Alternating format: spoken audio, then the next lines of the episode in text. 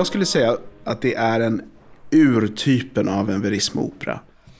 You know, Fedora, it's so big amplitude of colors. She reminds me everything. See, a lot of Manon, Ballo, uh, really a lot. När Umberto Giordanos opera Fedora får sin Sverigepremiär så är det en bortglömd klassiker som åter ser dagens ljus. Ett enda örhänge har nästlat sig in i operalitteraturen och det är tenorarian från andra akten.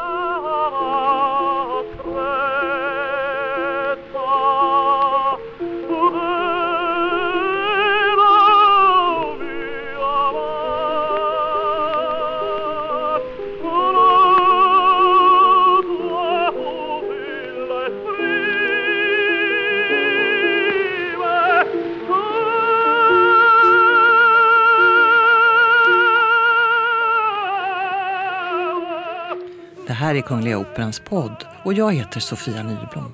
I det här avsnittet så träffar vi bland andra den världsberömde regissören Christoph Loy. Och så går vi bakom scenen med biträdande regissören Anna Thomsson.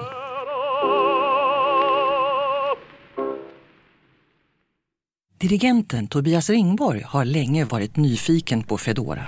Nej, det är en oerhört kort aria, men, men så oerhört effektfull. Det roliga är att jag läste just igår om Giordanos egna ord, för han dirigerade premiären.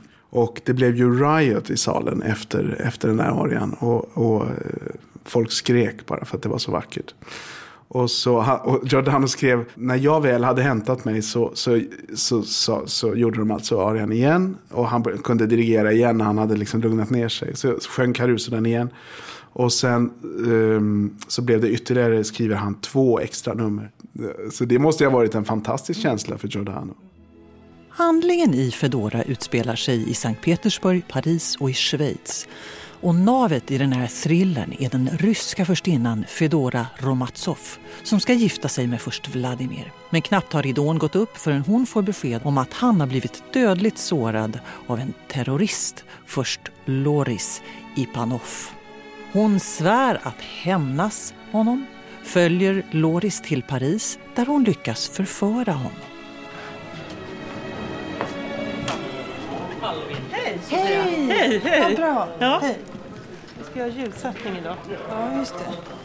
Jag stämmer träff med biträdande regissören Anna Thomsson på Kungliga Operans scen inför dagens ljusrepetition. Här står en samovar som en liten honnör till att Fedora är rysk prinsessa. Exakt, precis. Och den släpar hon med sig, så den, den finns med även. Det här rummet står ju i hela föreställningen, man får ha lite, det är ju liksom inte helt logiskt allting, men, men vi har den ju i första akten och eh, det serveras te ur den i andra akten i Paris och i tredje akten i, i Schweiz, i Berner Oberland. Nu står vi ju mitt på scenen. Järnridån är lite halvt uppdragen. Mm. Och så står vi då i, som du säger, den här... Främre rummet kallar vi det för. Mm. som jag avdelat, det är den här stora ramen som är som en tavelram kan man säga. Där man också kan dra ner en vägg så att det blir som ett slutet rum här framme. Och sen använder vi den, den tavelramen, så att den tavelytan så att säga, till att projicera på också. Vi har ju film i den här föreställningen. Både förproducerade filmer och allt utav Asmic och även livefilmningar. Och sen är det det bakre rummet i, som vi använder i andra akten som ju är en salong i Paris. Nu gick järnridån upp här. Vi en kristallkrona. Mm, precis, den där, har, den där har scenografen Herbert Morauer, han har letat länge efter den där för att vi, vi skulle ha en kristallkrona men det fanns ingen i vårt ljuslager som eh, stämde med det här rummet i storlek och så vidare. Vi var också tvungna att hitta en som inte var för stor för att den inte ska skymma våra projektioner eftersom det ska ja, inte bli en skugga av den på våran vägg. Den här operan har ju väldigt mycket inslag av kammaropera. Just det här lilla, de här scenerna med Loris och Loris och Fedora är ju väldigt mycket så. Och det kan man verkligen få till. Och särskilt i det här lilla rummet då som vi har här framme. Man behöver inte hojta för full hals liksom för att höras. Umberto Giordanos opera uruppfördes 1898 på La Scala i Milano. Inspirationen hämtade Giordano från en pjäs av Victor Sardou som han sett i Paris med den berömda skådespelerskan Sara Bernard. Slumpen ville att Giacomo Puccini samtidigt skulle drabbas av en annan Sardou-pjäs också med Bernard i titelrollen, Tosca. Men de var, när de såg de här, den här primadonnan i de här eh, föreställningarna så var de ju båda två ganska, eh, eller helt oetablerade och okända. Och Sardou var ju en stor dramatiker och han hade ju ingen anledning att ge de okända italienarna rättighet att tonsätta pjäserna. Tobias Ringborg berättar. Eh, så det krävdes ju att de båda kom och presenterade en stor succé. Och det gjorde de. Samma år. Och det är det som är så fascinerande med de här två. Giordano med Andrea Chenier och Puccini med eh, La Bohème 1896. Och då, det var som att trycka på knappen. Då gick det bra.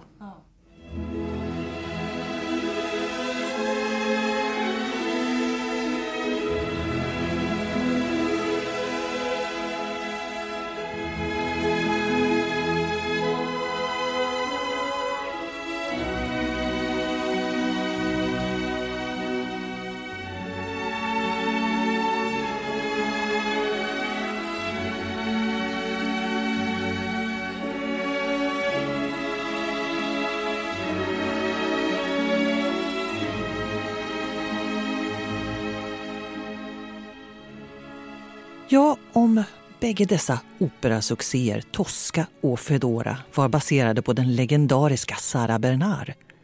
Hur lät hon då, denna mytomspunna skådespelerska?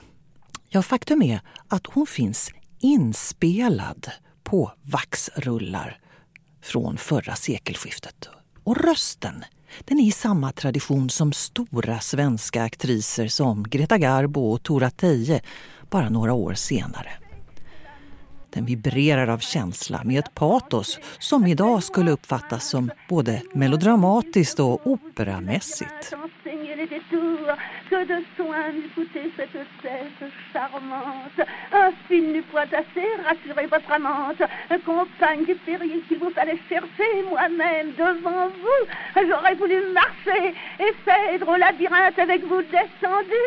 Ce serait avec vous ou perdu.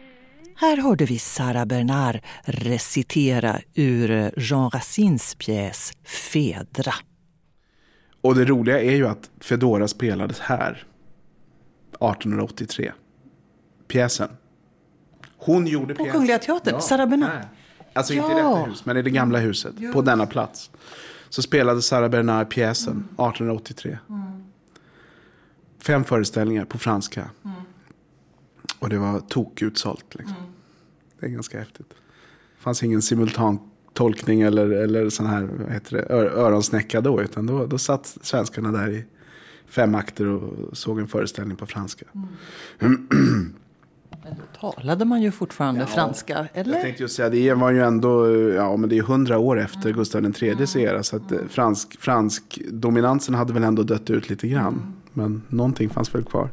Det kanske inte är så konstigt om en fransk pjäs drog publikrekord på Kungliga Operans föregångare, Kungliga Teatern, för sådär hundra år sedan. Frankrike var ju det stora globala kulturlandet under 1800-talet och kulturspråket nummer ett i Sverige trots att Gustav III gått bort hundra år tidigare. På operans repertoar stod eh, operor av Meyerbeer och Massenet och svenska konstnärer reste vart annars till Paris för att hämta in de allra senaste trenderna från världsstaden.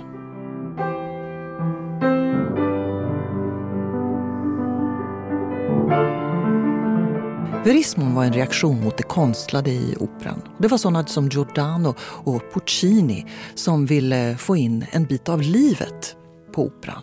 Underbar melodi. Och den, det, alla de här veristerna hade ju Verdi som som, jag menar, det var ju Gud. Liksom. Och Verdi gör ju precis samma sak i Rigoletto med... Eh...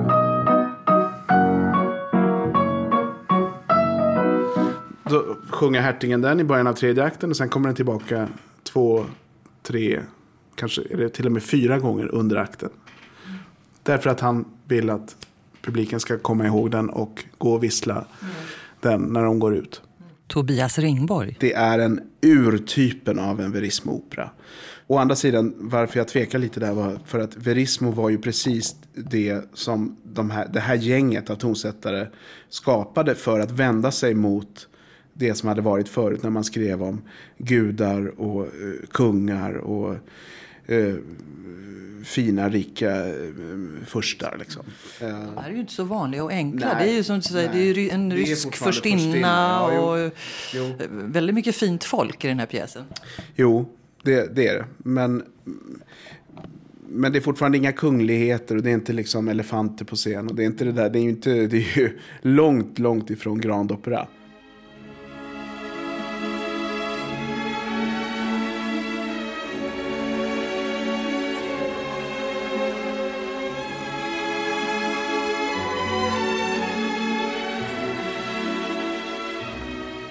Asmik Gregorian har tidigare sjungit titelrollen i Madama Butterfly på Kungliga Operan. Men med Giordanos Fedora tar hon sig an en karaktär som hon till att börja med inte riktigt visste vad hon skulle göra med. Uh, I mean, everything gets, you know, too emotional, too big, too... Just, just too much, everything. And, and the story, it's so, so huge emotional and the music everything i mean it's no place to to have rest at all because actually it's very hard role mm, i couldn't believe because when you look at the score it looks like nothing but it's very hard one. Asmik Grigorians hjältinnor har en enorm glöd och intensitet. Because it's very big orchestra to find a place where you can sing uh, lyrically and not push yourself too much it's very hard.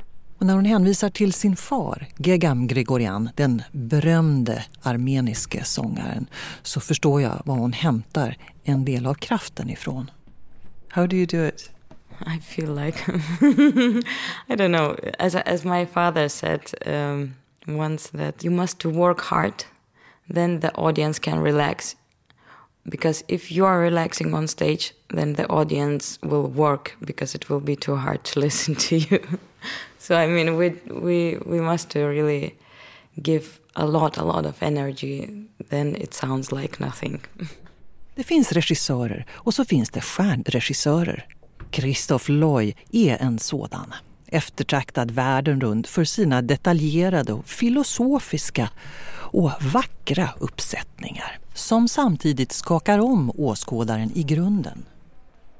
Oh, I adore him. I mean, first of all, it's really every time it's so professional that um, we already prepared the performance, and till the opening comes, you are so sure and so secure about yourself because you know we already have the real performance yesterday. We did the run.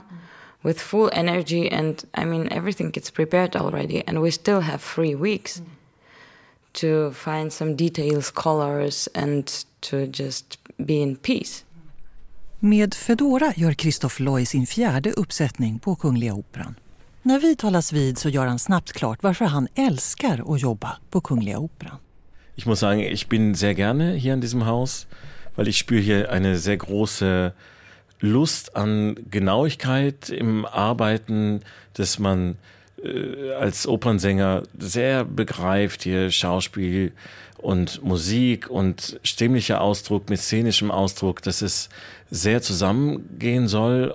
Man ägnar en kärlek åt detaljerna och sångarna förstår sig dessutom på hur man spelar teater, säger han. Det gäller minsann inte alla operahus i världen. Ich empfinde dieses Publikum Ähm, in Deutschland erzähle ich immer, man spürt, die haben hier alle ihre Ingmar Bergman-Filme gesehen. Dessutom, säger han, allt det här detaljarbetet är helt bortkastat om publiken inte förstår sig på det. Men här känns det att publiken sett sina Bergman-filmer. Und, diese, und ich liebe natürlich auch so, so eine Form von äh, Detailarbeit, die, aber man muss auch als Publikum erzogen sein, um das wahrzunehmen. När jag satt upp de här heliga korna ur operarepertoaren som Rosenkavaleren eller Parsifal, då har jag ju känt publikens förväntan och kunskap, säger Christoph Loy. Also natürlich habe ich das besonders gespürt, als ich hier diese so heiligen Kühe wie Parsifal, Rosenkavalier gemacht habe. So diese, wie war der alte Parsifal, wie war besonders der alte Rosenkavalier und werden wir jetzt enttäuscht sein oder nicht? Men jag har också känt att de är nyfikna på något nytt och de vill veta hur man tänker berätta historien. Det som är för mig den stora grejen att jobba med Kristoff, det är ju att det är så enormt noggrant med alla detaljer. Biträdande regissören Anna Thomsson assisterar Kristoff Loy medan han jobbar i huset och tar över ansvaret när han har lämnat. Vi skojade om det alldeles nyss för vi höll på flyttade på några stolar här och så kom någon och sa nej det ska nog vara två centimeter till höger. Ja precis, exakt så är det. Det är faktiskt på Ja, för mig är det i alla fall så att jag känner liksom om det, om det diffar på en 3-4 centimeter då känner jag också att nej det kommer inte funka. Och för mig som ska sätta upp det sen så är det också att man har så mycket att komma med. Samtidigt som jag pratar med Anna Thomsson så sitter scenteknikern Christer Nilsson en bit ifrån och tejpar på millimetern var all rekvisita och möbler och till och med sångarna ska stå placerade. Sitter du som Figaro, Christer? Eller hur? och mäter? Och det tar aldrig slut. Det tar aldrig slut? Nej. Alltså. Så blir man alldeles förvirrad av alla mått till slut. Men det är lika bra att göra det riktigt så när det kommer tillbaka så vet vi vad det är för märken och vad, Mm. var möblerna ska stå och, Mm. och så. Lättare när vi repar också, när vi bara tejpar upp på golvet så det, och vi inte har det här själva golvet där så står. Det här är specialgolv för Fedora. Ja, precis. Parkettgolv. Fuskparkett. Snyggt. Men väldigt snyggt. Ja, Ja, faktiskt. det är något tryck. Versailles-parkett. Fint ska det vara. Hur är det med Fedora då? Det är ju ingen helig ko. Varför vill du sätta upp den? Frågar jag Christoph Loy. Es kommt da sehr viel zusammen, dass ähm, mich interessieren natürlich immer Stücke mit ähm, äh, so äh, Figuren, die so am Abgrund stehen und, und, und Fedora ist absolut so, so eine Grenzgängerin. För många år sedan snubblade jag över inspelningen med Magda Olivero och Mario del Monaco. Och slutscenen drabbade mig så att jag tänkte, den här operan, den vill jag jobba med.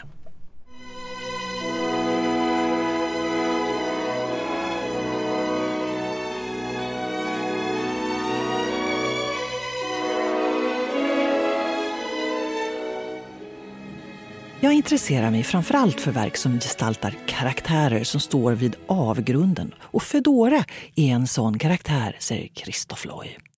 Und das ist sehr beeindruckend und, es, und wir wissen alle auch, dass sowas sehr gefährlich sein kann. Für, nicht nur für andere, sondern auch für sich selbst. Jag gillar paradoxerna i Fedora, säger Christoph Loy. Att man kan älska henne trots att hon gör sig omöjlig i alla möjliga sammanhang.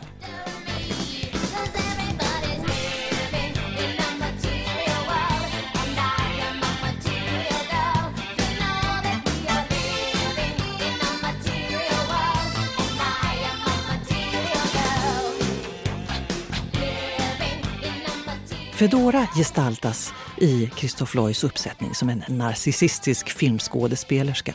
En kändis som byter kläder i varje scen och uppträder i ständigt nya peruker och hårfärger. Som för att utforska gränserna för sin identitet. En kvinna med makt som hon inte vet hur hon ska hantera.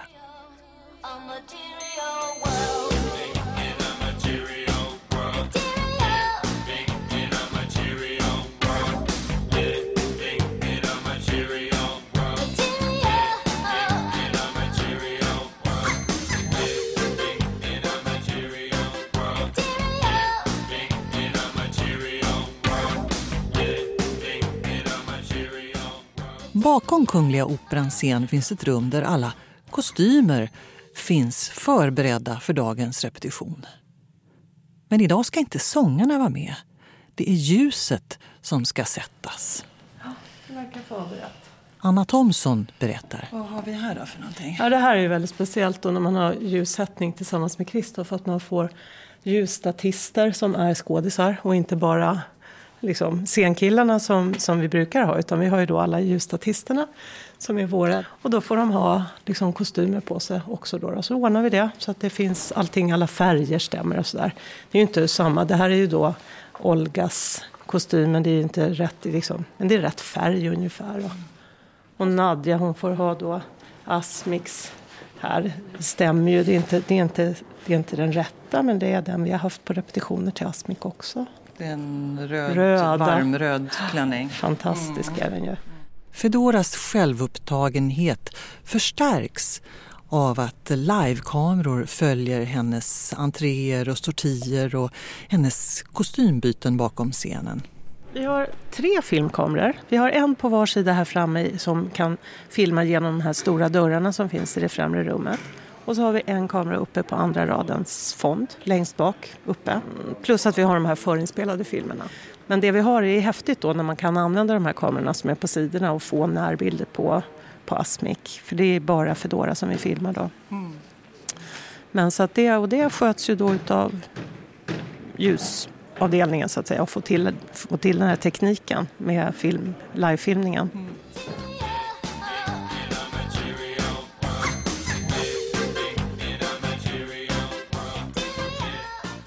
Det finns en cynism i det här verket, kommenterar jag. Ett mörker. Ja, säger Christoph Loy. Här har vi ännu av de här paradoxerna som fascinerar mig.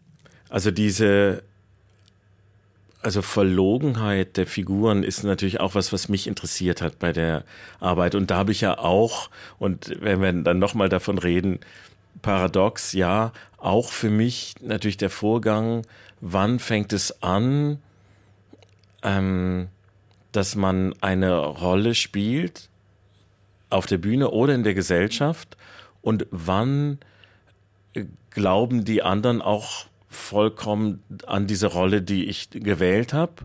Und irgendwann weiß ich selbst nicht mehr, dass ich eine Rolle spiele. Var går gränsen mellan att spela en roll på scenen eller i samhället och när blir den här rollen verklighet? Så verklig att människor börjar tro på den. Fedora har för avsikt att låtsas vara förälskad i Loris. Men till sist faller hon själv offer för sitt spel och blir förälskad i honom. Would you mind saying something about Loris? Who is he? I would say just unlucky person.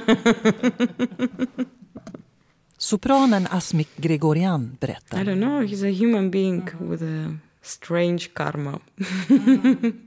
In general, I think this story can be made. It's absolutely, you know, the same about Fedora and about Loris because it's a huge story, his story. It's not only her story. När är en känsla äkta och när är den kalkylerad? För Asmik Grigorian har det varit en utmaning att göra sin karaktär trovärdig. Eftersom hon både älskar och ljuger för och till sist bedrar den hon älskar. Actually, I I always play what I feel, and even in the life, if you are lying, you must believe yourself. That's why you know I think any person, if if you are a good actress, you will never play fakeness. You will always play what you feel, and then everything around will show that you are lying. Också den som ljuger i verkliga livet måste tro på sina lögner för att få omgivningen att tro på dem. Och Christoph Loy tillägger Also Ego braucht man, soll man haben und wo wird es gefährlich für, für eine ganze Gesellschaft, wenn man die, die, die, zu viel Raum die, die, diesem Ego gibt. det är bra att ha ett ego. Men när det tar för mycket plats, när det hotar ett helt samhälle, då måste man börja sätta gränser.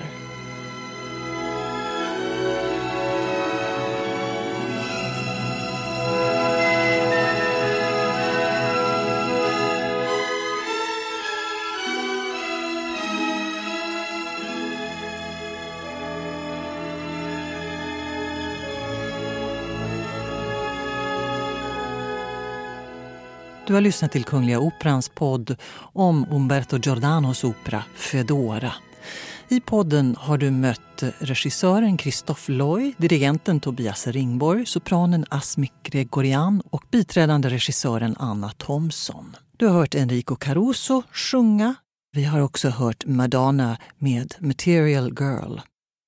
Jag som har producerat podden heter Sofia Nyblom och för ljudmixen svarar Kristoffer Krook. Och podden görs hos produktionsbolaget Munk.